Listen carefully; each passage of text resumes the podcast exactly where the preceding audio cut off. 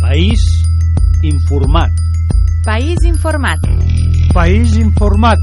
País informat. País informat.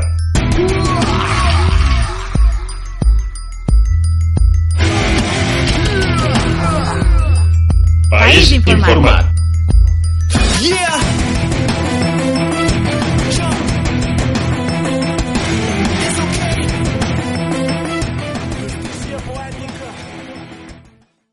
Bon dia. Comença País Informat. Som el programa de Ràdio Sant Padó que us apropa els temes més atractius i de més actualitat de la nostra societat.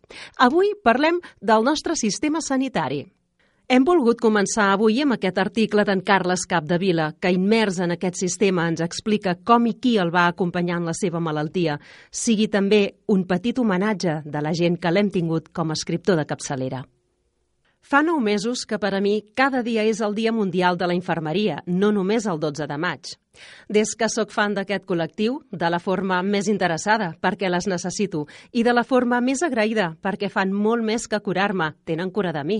M'adono de la feinada que fan i de com arriben a ser invisibles. Ho eren per a mi mateix fins que vaig descobrir que quan la medicina em tractava a trossos eren elles les que més i millor entenien que som persones senceres. Tot i ser-ne fan incondicional, serà benvinguda l'autocrítica i que el 5% de personal autoritari amb ànima militar i l'altre 5% que es confon i tracta de forma infantilitzada no espatllin la imatge ni la professionalitat comunicativa del 90% de personal d'infermeria que honora Florence Nightingale cada dia i cada nit. Tenim un sistema sanitari millorable i al límit, però de gran qualitat i que funciona. Agraïm-ho i defensem-lo. Ara bé, la medicina té el repte d'humanitzar-se, de comunicar millor amb el pacient, de ser més empàtica, de ser més integral i posar el malalt al centre d'entendre que l'estat d'ànim i les emocions a vegades tenen com a millor medicament una mirada còmplice, un somriure, un gest afectuós o una informació ben donada i que no és només salvar o allargar vides, sinó acompanyar i garantir la qualitat d'aquestes vides. Per fer el canvi necessitarà empoderar més la infermeria. Els professionals a peu de llit són els que controlen més informació sobre el que té l'hospital entre mans, perquè tot passa, literalment, per les seves mans. I el col·lectiu haurà de trobar la manera de generar discurs, lluitar pel protagonisme que els mitjans li neguen, tenir referents reconeguts i reivindicar-se no només laboralment, que també, sinó dient ben alt que com a persones que tenen cura de les persones poden i han de ser la força del canvi.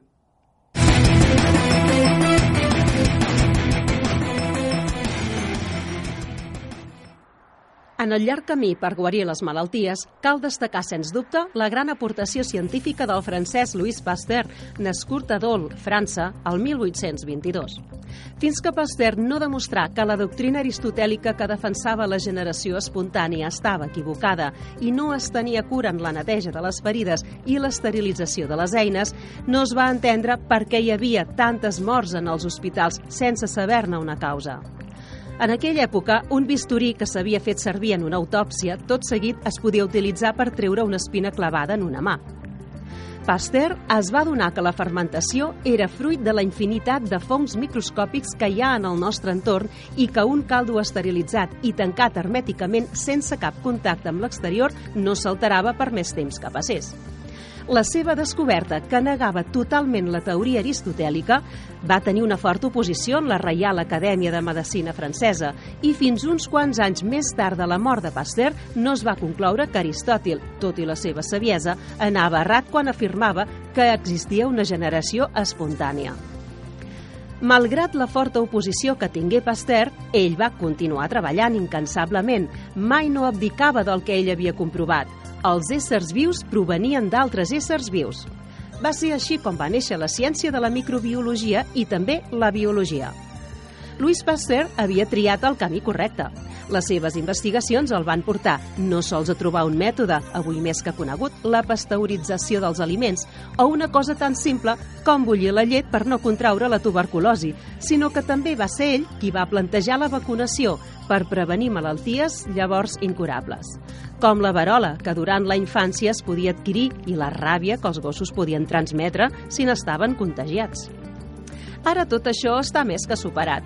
Però en aquell moment històric se sap que uns pares que estaven desesperats perquè el seu fill de 9 anys, Joseph Meister, un gos l'havia mossegat, aclaparats per la incertesa i la mort gairebé segura, van deixar que Pasteur injectés a la pell del seu fill de 9 anys una petita dosi de gèrmens atenuants del virus de la ràbia per tal que el cos d'aquell nen ell mateix fabriqués les pròpies defenses. Pasteur no era metge i va arriscar la seva vida, ja que l'haguessin pogut processar per no tenir cap llicència mèdica per fer-ho. Parlar de Louis Pasteur és parlar alhora del científic més gran de la història de la medicina i de l'home que va posar al servei de la humanitat la microbiologia, la biologia i, sobretot, la necessitat de consensuar el coneixement. Per coronar l'èxit d'aquest gran científic, acabem aquesta píndola dient dues coses. Que al cap de 15 mesos de la primera vacuna aplicada a Joseph Meister, 2.500 víctimes de mossegades van ser vacunades amb els gèrmens atenuants de Pasteur i que per portar el primer suero fins a Amèrica, quan no hi havia cap medi per conservar les vacunes, a dalt d'un vaixell, un metge i unes quantes famílies voluntàries van viatjar amb els seus fills respectius i durant el trajecte van extreure i traspassar d'un en un sèrum de les pústules infectades amb la varola fins a arribar a l'altre continent amb el sèrum per poder fer les vacunes. Tota una proesa i una gran tenacitat.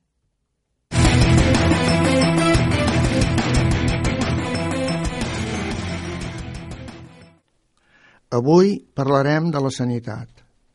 Tenim aquí entre nosaltres la Carme Llorenç, amb 30 anys d'experiència, al Servei d'Urgències de Sant Joan de Déu a Manresa. La Carme, a Castellnou del Bages, és regidora de Sanitat, Joventut, Cultura i Patrimoni. Benvinguda, Carme. Moltes gràcies, bona tarda. El Carles Capdevila va deixar escrit que tenim un sistema sanitari millorable i al límit, però de gran qualitat i que funciona. Estàs d'acord amb aquesta apreciació? Totalment d'acord. En Carles, un gran i excel·lent periodista, suposo que també parlava des de, malauradament des de la seva experiència, que va tenir que viure en aquests darrers anys de la seva vida. Millorable, sempre, sempre podem millorar. És més, mmm, persones, sobretot amb serveis com urgències, que és amb el que jo tinc la, la major part de la meva experiència laboral, estem en continu canvi. Si jo valoro cada any el que fem, estem contínuament canviant i sempre per millorar. Eh, grans professionals eh, fan que tot això sigui possible, perquè tenim, encara que tinguem 30 anys, portem 25 anys, eh, 15 anys treballant, tenim encara inquietud. Ens preocupa les persones que ens venen i ens preocupa que la sanitat, bueno, doncs actualment, doncs, amb les cer certes mancances que hi ha, doncs nosaltres d'alguna manera poder inventar coses, eh, fer coses noves sempre per millorar el servei. Per tant, sí, sí estic d'acord que és millorable, ho fem, de veritat que treballem molt perquè tot això funcioni, i, bueno, eh, grans professionals, pues, evidentment hi ha de tot, perquè com a tot arreu i en totes les professions, però jo tinc l'honor i tinc el, el goig de dir que al Servei d'Urgències de Sant Joan de Déu hi ha uns excel·lents professionals i amb moltes ganes de treballar i amb moltes ganes de tirar endavant, a pesar dels volums, a pesar de les massificacions que tenim, doncs, al servei d'urgències. Quan vas començar a treballar, segurament que d'un any a l'altre no es devien notar gaire els progressos. No. Però darrerament notes, com aquell que diu, que mensualment Sí. hi han coses noves. Sí, sí, sí, i tant. Hem hagut de, doncs de incloure dintre de l'àrea d'urgències altres àrees. Per exemple, jo que sóc instructora del servei de triatge andorrà, que és el que ja està instaurat i avalat per la CEMES i tots els hospitals el tenen, eh, nosaltres, i ara ja, mira, ja poso una medalleta, eh, hem inventat, perquè hem sigut nosaltres que hem inventat, una part, una eina que ens ajudi a treballar amb la gent gran. La gent gran ens preocupa moltíssim perquè la comarca del Bages, que és molt, molt àmplia, tenim una població molt envellida i cada vegada més.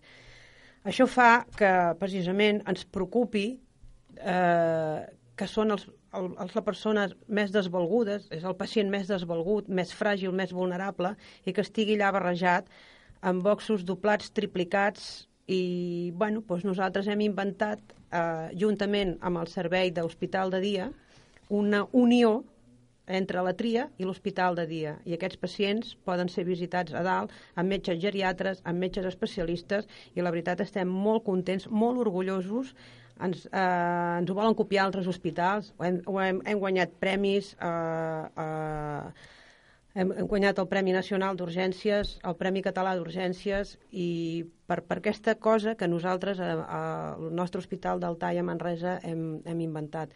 Això uns anys enrere era impensable. Mm, Anaves fent, sí, bueno, petits canvis, coses informàtiques, però aquest gran salt que s'ha fet de fa uns anys cap aquí, des del sistema de triatge, la incorporació d'hospitals de dia, incorporació de, de, d'hospitals a domicili, l'hospitalització a domicili, que això és fantàstic poder estar a casa teva, amb la teva família, envoltat de totes les teves comoditats i no allà, doncs home, això és una cosa que, que és de molt agrair.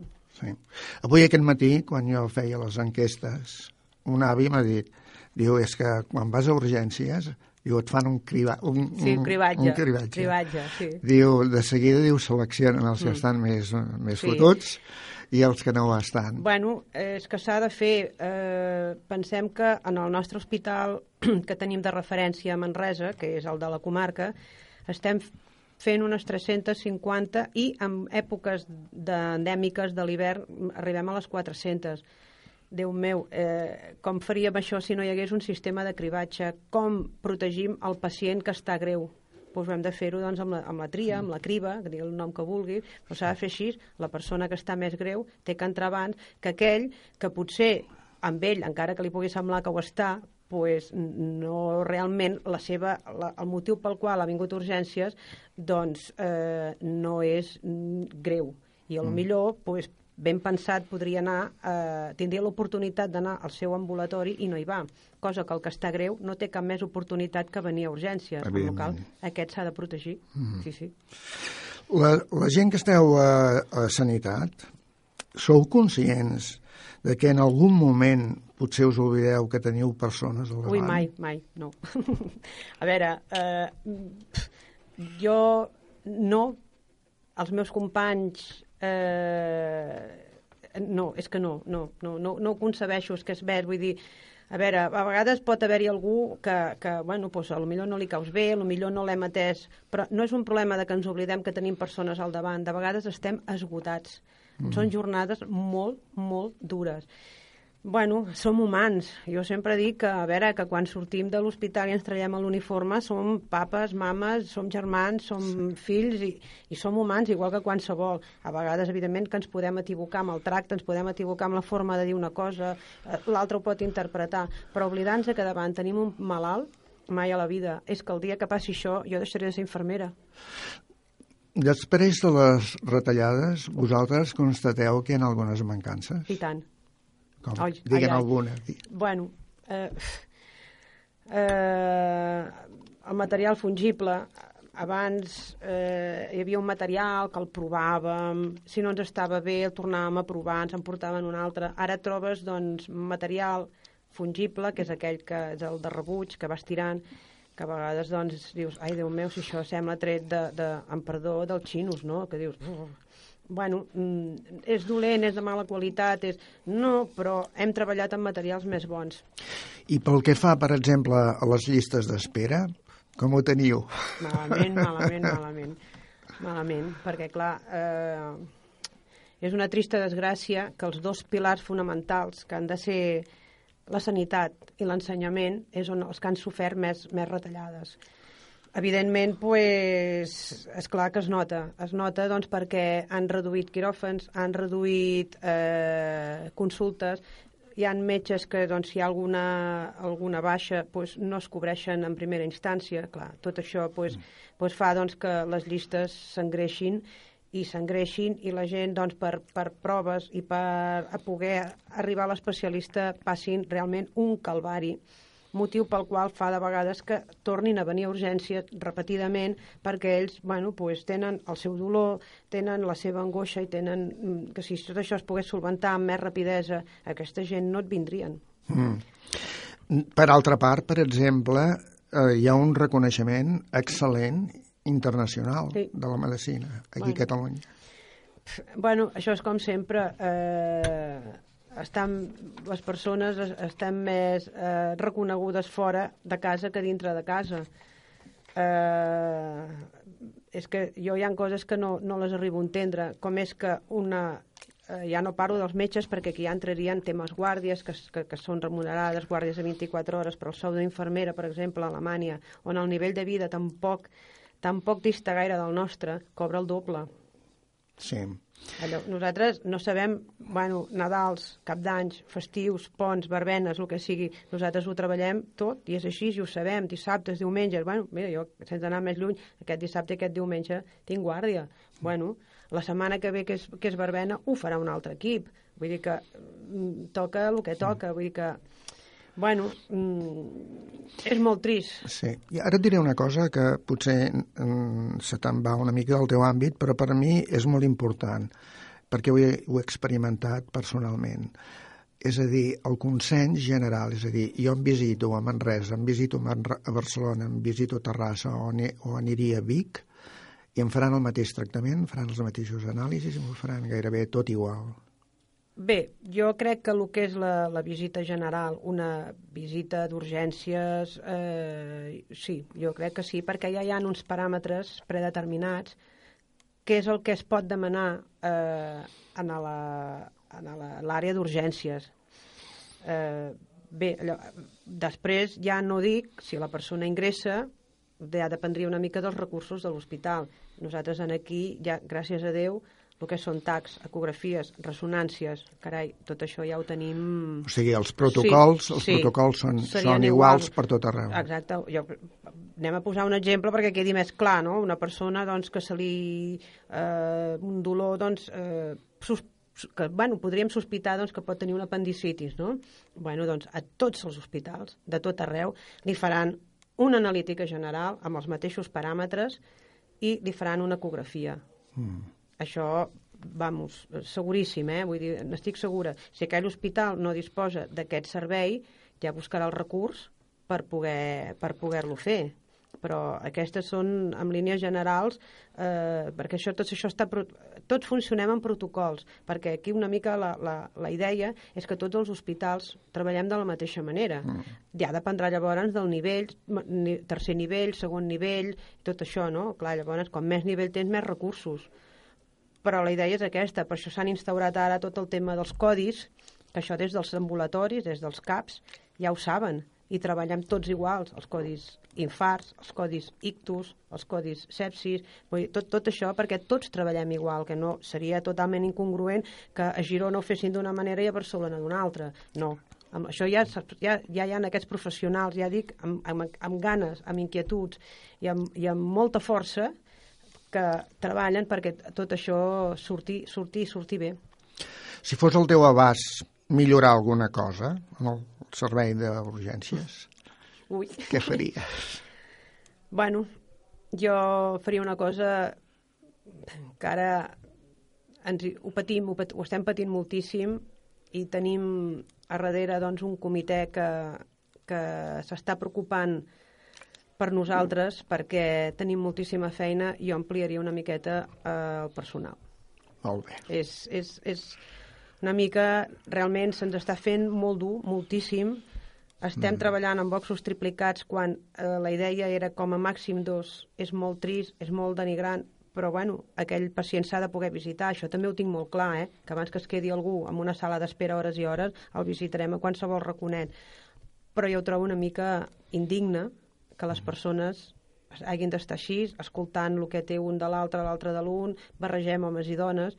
Mm, Bueno, jo aniria per arreglar a el que és el servei d'urgències tot això i poder-ho fer, poder treballar doncs, una miqueta, ja no dic relaxadament, però amb unes altres condicions. Estem portant la infermeria d'urgències, malalts ingressats, perquè clar, el malalt ingressa i com que no hi ha habitacions es queda urgències. Els cuidados i els controls d'aquell malalt té que ser com quan si estiguessis a la planta.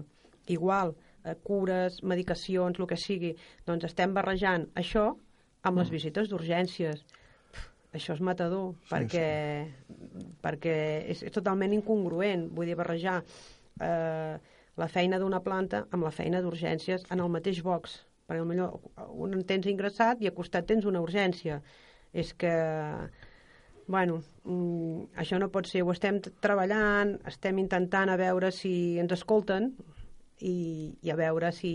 Però sempre és pel bé, sempre és per treballar pel bé i, i per la dignitat de la persona, del malalt en aquest cas, que tenim al davant. El Carles Capdevila va escriure un article sobre la infermera que el visitava cada dia Sí, era... i m'imagino que us havíeu penjar vosaltres aquest escrit el havíeu penjar en el, en va, les... va córrer perquè nosaltres tenim un grup de, bueno, de nenes al talla, eh, ja de tom que tenim de totes les edats, des de noies molt jovenetes a, a les que ja comencem a tenir una edat, eh, i el vam, el, quan va morir el, va, eh, el van penjar.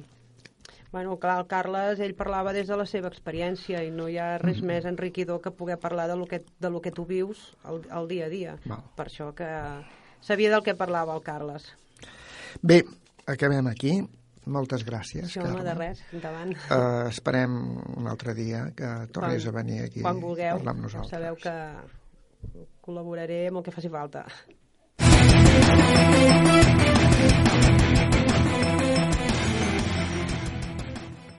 Avui tenim de les entitats convidades el Fidel Santa Maria Espinal, president de l'Associació de Veïns Llevant, el Valentí Castellana Girbau, president de l'Associació de Veïns Sant Francesc, i eh, no han pogut venir els presidents de l'Associació de Veïns Mestral, el president de unit de l'entitat de propietaris Mirador de Montserrat i l'entitat de propietaris al Serrat de Castellnou. Bé, benvinguts. Hola. Hola, què tal?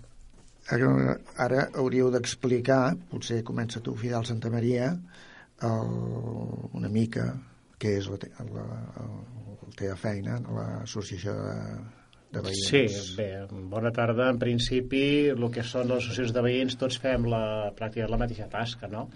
Eh, el poble doncs, el tenim dividit en cinc sectors, en cinc associacions.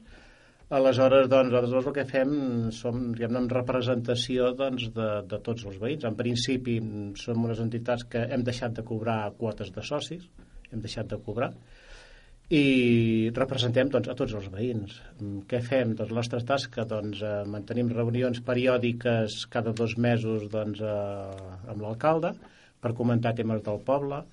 Mirem doncs, quines, quines mancances, quines deficiències hi ha al dia a dia, cadascú la seva associació. Entre totes les associacions doncs, eh, mirem doncs, eh, coses en comú que poden ser de generals de tot el municipi i després també, doncs, quan hi ha veïns doncs, que algunes vegades poden tenir problemes amb, amb l'administració, doncs que podem entrar nosaltres també doncs, a representar-los o a fer de mediadors, en algun cas doncs, també, també ho fem.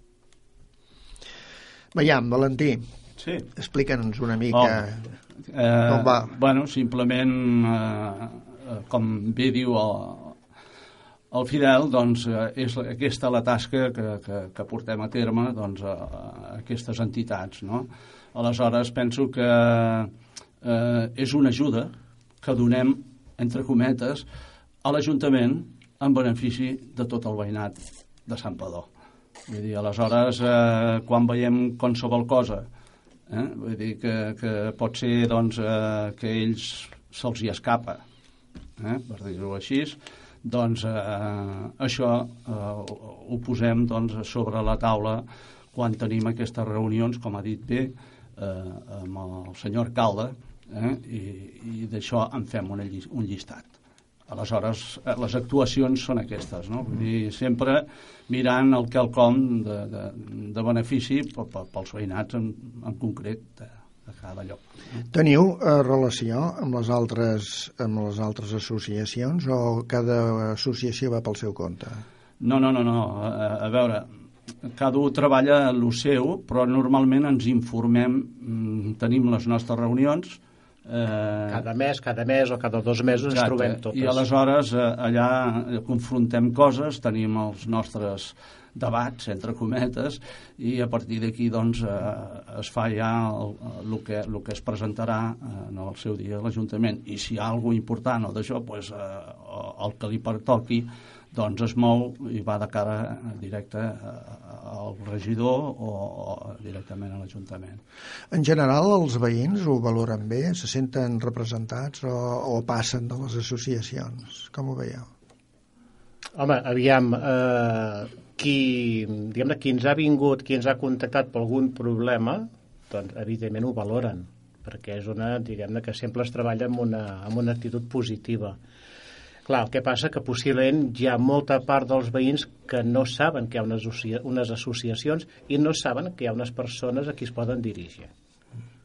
Però sí, sí, tot, i un altre, per exemple, va de complementar el que deia en eh, el tema quan ens ajuntem les cinc associacions, clar, hi ha temes que no són en concret només d'una associació, o sigui, són d'àmbit general. Mm -hmm. Temes, o sigui, diguem temes, per exemple, temes de neteja, eh, temes de, via, de, de, de viabilitat o de, de temes de, de si circulació. Permets, sí. Si em permets, sí, sí, vull dir, eh, el tema de, de, dels avions eh, va ser una de les qüestions que, que nosaltres, com a associacions de veïns, vam presentar al·legacions, no? vull dir, de, del famós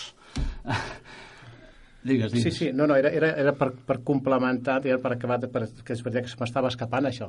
L'última trobada que hi va haver de seguiment, diguem-ne, que hi ha les, les cinc associacions de Sant Poda, que tots vam presentar al·legacions, a part de representants de, de l'Ajuntament, que normalment hi va el regidor d'Urbanisme, i d'entitats de, del Pineda, de Pineda de Bages i de Sant Fruitós mateix. L'última vam aconseguir, vam aconseguir un punt que, que durava des de que es va començar, doncs aviam, ningú hi havia fet esment, o si més no, amb la suficient força com perquè quedés com per exemple sí que, sí que van aconseguir ja, a través de l'Ajuntament de Sant Padó, associacions de veïns d'aquí, eh, van aconseguir que es modifiqués el traçat de, diguem de, de les rutes dels vols i les alçades però clar, llavors, a, través de les associacions de veïns d'aquí Sant Padà, sí que es va presentar sobre la taula i se'ls va donar arguments suficients com perquè eh, totes les avionetes que estan sobrevolant que portessin, que incorporessin un mitjà de control, que és un tipus de GPS que enregistra totes les dades, diguem-ne, perquè cada vol que facin quedi tot enregistrat, perquè si hi ha queixes es pugui demanar, doncs aquest dia, eh, aquest dia, a aquesta hora, eh, volem veure, doncs, diguem-ne, tots els registres que s'han fet de vols. I així, com a mínim, queda registrat, i si més no, doncs, els pilots, doncs, tinguin pressa o no tinguin pressa, aniran amb més cura a seguir, doncs, les, diguem-ne, tots, el, tots, el, tots els recorreguts que tenen traçats. Que d'aquí a sí. poc, i si m'ho permets, d'aquí a poc tindrem de tornar-nos a queixar perquè tornen a passar per sobre del poble eh? sí. més d'un dia. Jo sóc també una persona afectada i t'haig de dir que és molt molest. Eh? I tant. Molt molest. Nosaltres vivim en un, en un àtic i, és clar, eh, tens el soroll directe dels avions. Eh? Que no, eh, per, eh, per, pel, pel cas en si, eh, no és el que més, eh, particularment, i crec que és compartit, eh, no és el que més preocupa aquests dos avionets, no? sinó que d'aquí X això es converteix ja en un degoter constant. constant pam, sí, sí, pam, pam. sí, sí. Mm. Una pregunta. Quines són les dificultats mm, que de vegades us costa més superar a les associacions de veïns? Uh, el que pot trobar més dificultat Bé, com t'ho diria? O, o la gent perquè... Sí, no, tot, ja, ja en trobem més reticència i més dificultat, no l'hora d'escoltar-nos, sinó l'hora, diguem-ne, de fer servir les nostres informacions que portem, diguem-ne, de cara a l'administració. Mm. Perquè tenim una sèrie de temes que n'hi ha alguns que ja portem un any recorrent sobre els mateixos temes i no hi ha resposta.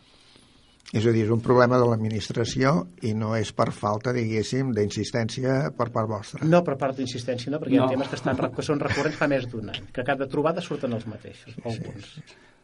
Sí, sí, eh, és això que diu, no? Vull dir que és eh, ho he dit abans, no? nosaltres eh, se'ns tindria d'agafar, penso, des de, des de l'administració, com eh, el que he dit, ajudar a que el poble funcioni millor. Sí. No som oposició. que Sí. quedi clar això, no, tot el contrari. Si, si realment eh, ells fessin el que se'ls demana, eh, i, i tal qual se'ls demana, penso que eh, el qui hi ha en sortiria beneficiat, si és que és el que es vol, no? Vull dir, així Sí, de clar. jo, tal com veig les, asso- les associacions, de fet sou el portaveu, diguéssim, més de el que la, la comunitat de, de, de, de tot els veïn, del veïnatge Sí, sí, sí. doncs eh, demanen o, Sí, aviam, sí, però o diguem, reivindiquen. es- Hosti, es- està, està molt clar, diguem-ne, que els serveis tècnics municipals, alcalde, eh, regidors, diguem, és, és lògic, vull dir, que, que, que, que, diguem-ne, que el que es diu, no, que es pategi en el poble, però clar, però evidentment, qui, qui es pot conèixer, qui pot conèixer molt millor eh, cada sector són els propis veïns. Ja, vull dir que no, o sigui, no, en canvi, sempre ho hem dit, sempre, no, hem, no, és mai, no anem mai a fer una crítica destructiva, ni tan sols una crítica. O sigui, el que es va és a fer uns comentaris, però uns comentaris, diguem-ne, i a més a més, doncs, a part, a part de- a part de- de- de- d'anomalies que es poden trobar, o sigui, fins i tot anem a fer propostes de millora. Aquí està, aquí està, vull dir, les propostes que eh, algunes, doncs, eh, efectivament, les porten a terme. Però, és clar, si em presentem allà, eh, o sigui, tot un fol, no?, i, i tan, només fan dues, mira, ja n'hem aconseguit dues, no? Sí, sí. doncs bé, des d'aquí Ràdio Santpedor fem una crida a l'administració perquè us escoltin. Ja ho fan, d'escoltar, ja ho fan. Actuar, Sí, actuar. no, sí, no, jo ho he, que dit, jo ho he dit- ho he dit al començament, eh, que ens escolten, ens escolten. I també podríem fer una crida a tota la població que sàpiguen, que sàpiguen que existim, que sàpiguen que existim, i que per qualsevol, ja no solament, doncs, vull dir, per queixes, oi, és que allà al carrer tenim un, diguem, els penots que ens estan aixecant, o tenim un, doncs, un problema laborer, o tenim una, una senyal que està... Que, qual, per, a part de tot això, propostes, propostes, sí. clar, es poden consensuar. Clar, per exemple, quan hi ha hagut al meu sector, doncs, quan hi ha hagut algun, alguns veïns que han estat demanant canvis de, de direcció de la circulació, Clar, doncs aviam, doncs ens venen, ens venen a veure, vull dir, llavors doncs consensuem entre els veïns, en, entre els serveis tècnics i ho solucionem. En un carrer, per exemple, ens volien treure tots els aparcaments. Ara dic, no, home, no, vam quedar un dia doncs, amb el regidor, eh, estem parlant d'una altra, altra legislatura, eh? doncs vam quedar doncs, amb els tècnics, amb els... i al final doncs, es van aconseguir uns quants aparcaments. I, ostres, perquè poc lloc que hi ha per aparcar, si sobre els perdem, Jo per, eh, per, per, pel tema, vull dir, eh, si, si lògicament suposo que ens escoltaran, eh, crec que ens tindrien de valorar una miqueta més. Sí, sí. Eh? Mm, Crec que, eh, repeteixo, vull dir, tenint-se per alguna cosa, que realment, mm, cuidado, sí que ens atenen, com estem dient, se'ns atén se'n, molt amigablement i molt de jo, però quan hi ha moments que dius, escolta, eh, ei, us necessitem, o què us sembla això, no? Per això no valem. Bé, deixem-ho aquí. Gràcies per haver col·laborat amb nosaltres en el programa País Informat.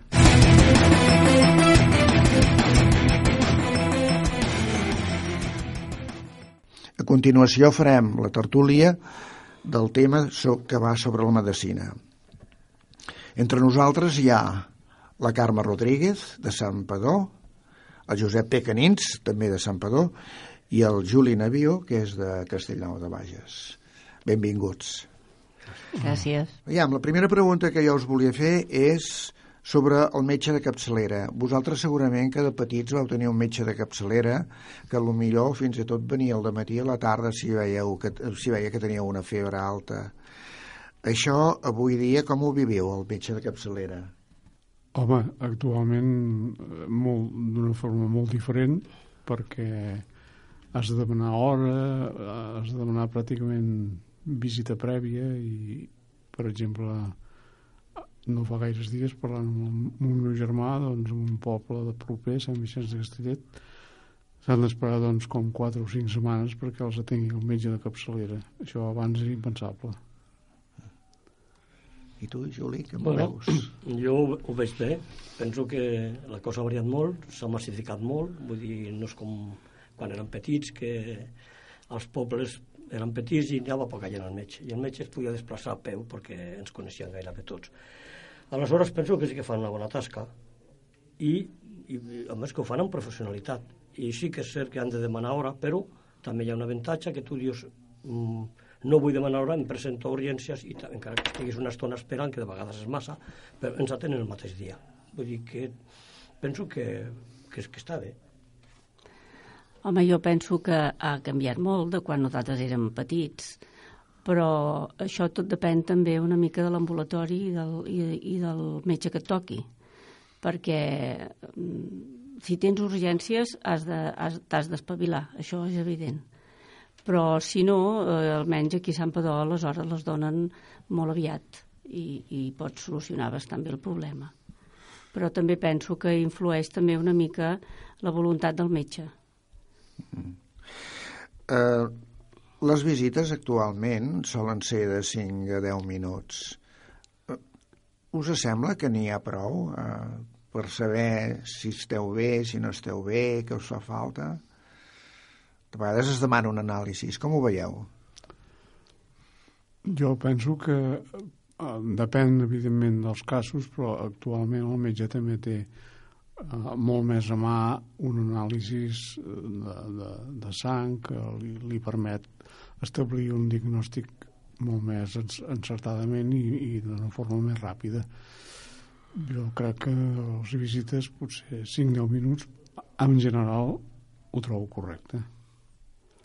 Jo penso que, eh, tal com deia, eh, fins ara hem tingut una doctora que ara s'ha jubilat i que no era d'aquí, que era de Manresa, perquè encara estava amb el metge Manresa, i no li venia mai ni de 5 minuts ni de 10. Te tenia, t'escoltava perfectament, eh, estava pel teu problema, t'aconsellava i, i, i a vegades inclús jo em posava nerviosa de veure que estava molta estona i que a fora hi havia gent que s'esperava. Però ell això no li, no li importava. Ell estava amb, amb nosaltres eh, l'estona que ella creia que era necessària per poder-nos facilitar tota la documentació i totes les explicacions que requerien al moment. Ara ja veurem com anirà. Bueno, doncs jo què he de dir, quasi bé l'han dit tot per bé. Eh, de totes maneres, això és molt relatiu, perquè quan el que espera sempre pensa que el que està dins està massa tens. I quan estàs dins penses que no t'han atès degudament i que ha anat molt ràpid. Vull dir, penso que quan tens un problema greu deriven allà on toca i el metge de capçalera ja fa les feines que ha de fer.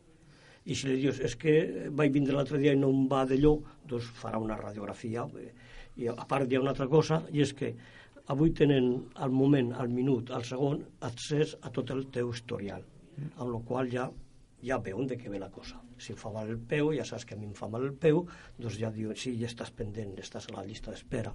I els 5 minuts o 10 és relatiu. Mm, Ja dic, jo penso que a vegades eh, sí que es passen i és un entrar i sortir i de vegades no sé si és que, no sé, però bé, jo trobo que en, en general ho fan bé. Mm. Eh, nosaltres, eh, les persones que ja som una mica... ja tenim una certa edat, o fins i tot ja estem jubilats, eh, tenim la sensació o palpem el que és l'envelliment. Jo us voldria pre preguntar si vosaltres envelliu amb el consell del metge. Què dius, Juli? Ah, el Juli no diu res, jo envelleixo perquè cada any va fent anys, de la, qual- de la qual cosa estic content, si no, no estaria aquí, no? No, normalment mm, no vaig al metge, tinc sort, fins ara estic de, de salut, i vaig molt, molt, molt, més, molt periòdicament, perquè em diu, bueno, t'has de fer un anàlisi que fa dos anys, o sigui, una, una com diu allò que fan anàlisis de sang, orina i tot això, no? bueno, ara no sé nom.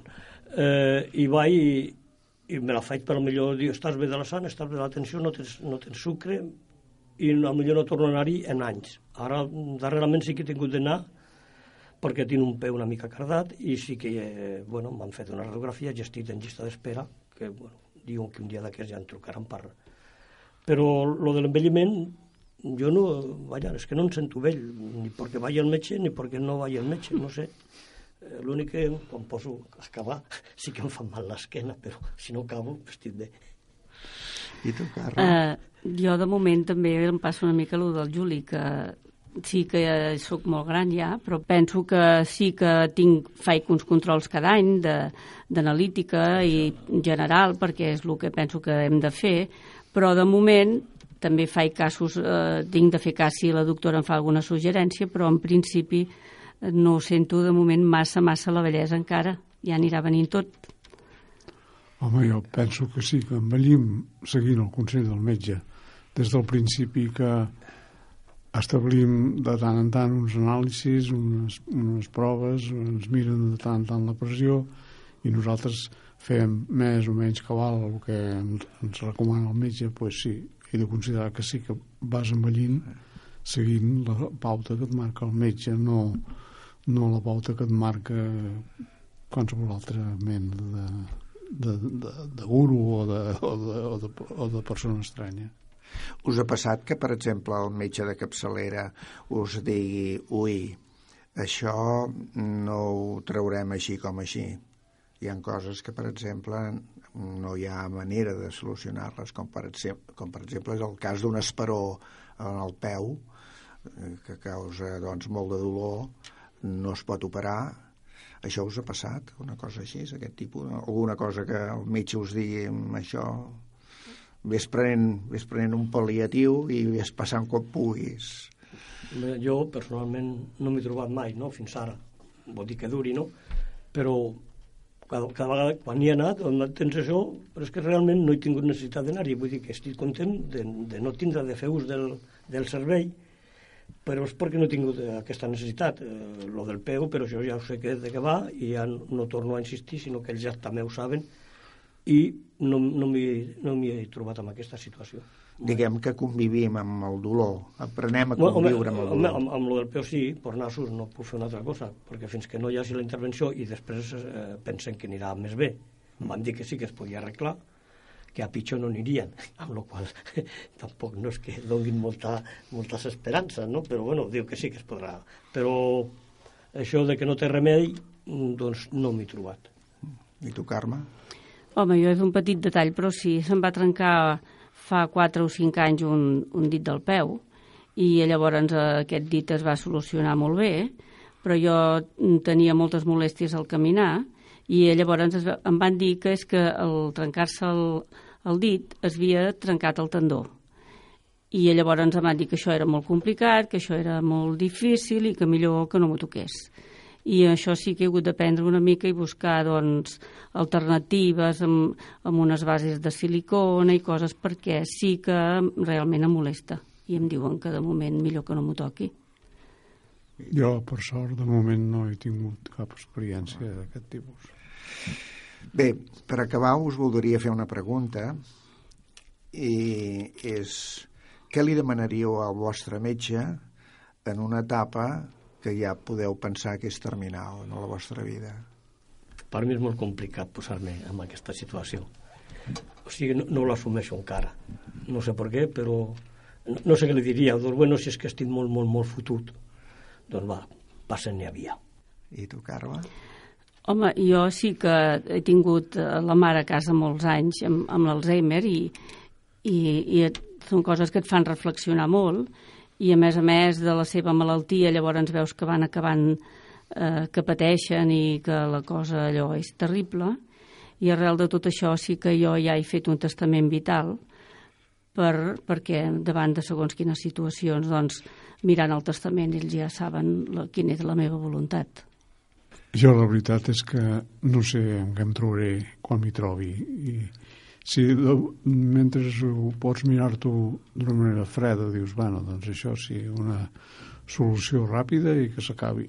En el moment en què això m'afecti ben directament, doncs no sé el que passarà. No ho sé, francament. Bé, doncs ho deixem aquí i moltes gràcies per haver vingut aquí a Ràdio Sant Pedro. Gràcies a vosaltres. I hem arribat doncs, ja al final del programa. Moltíssimes gràcies a tots els que ens heu estat escoltant a través de la sintonia de Ràdio Sant Padol 90.0. El proper diumenge, doncs, a la una del migdia, una nova cita amb País Informat. Alba Sobirà, bon dia.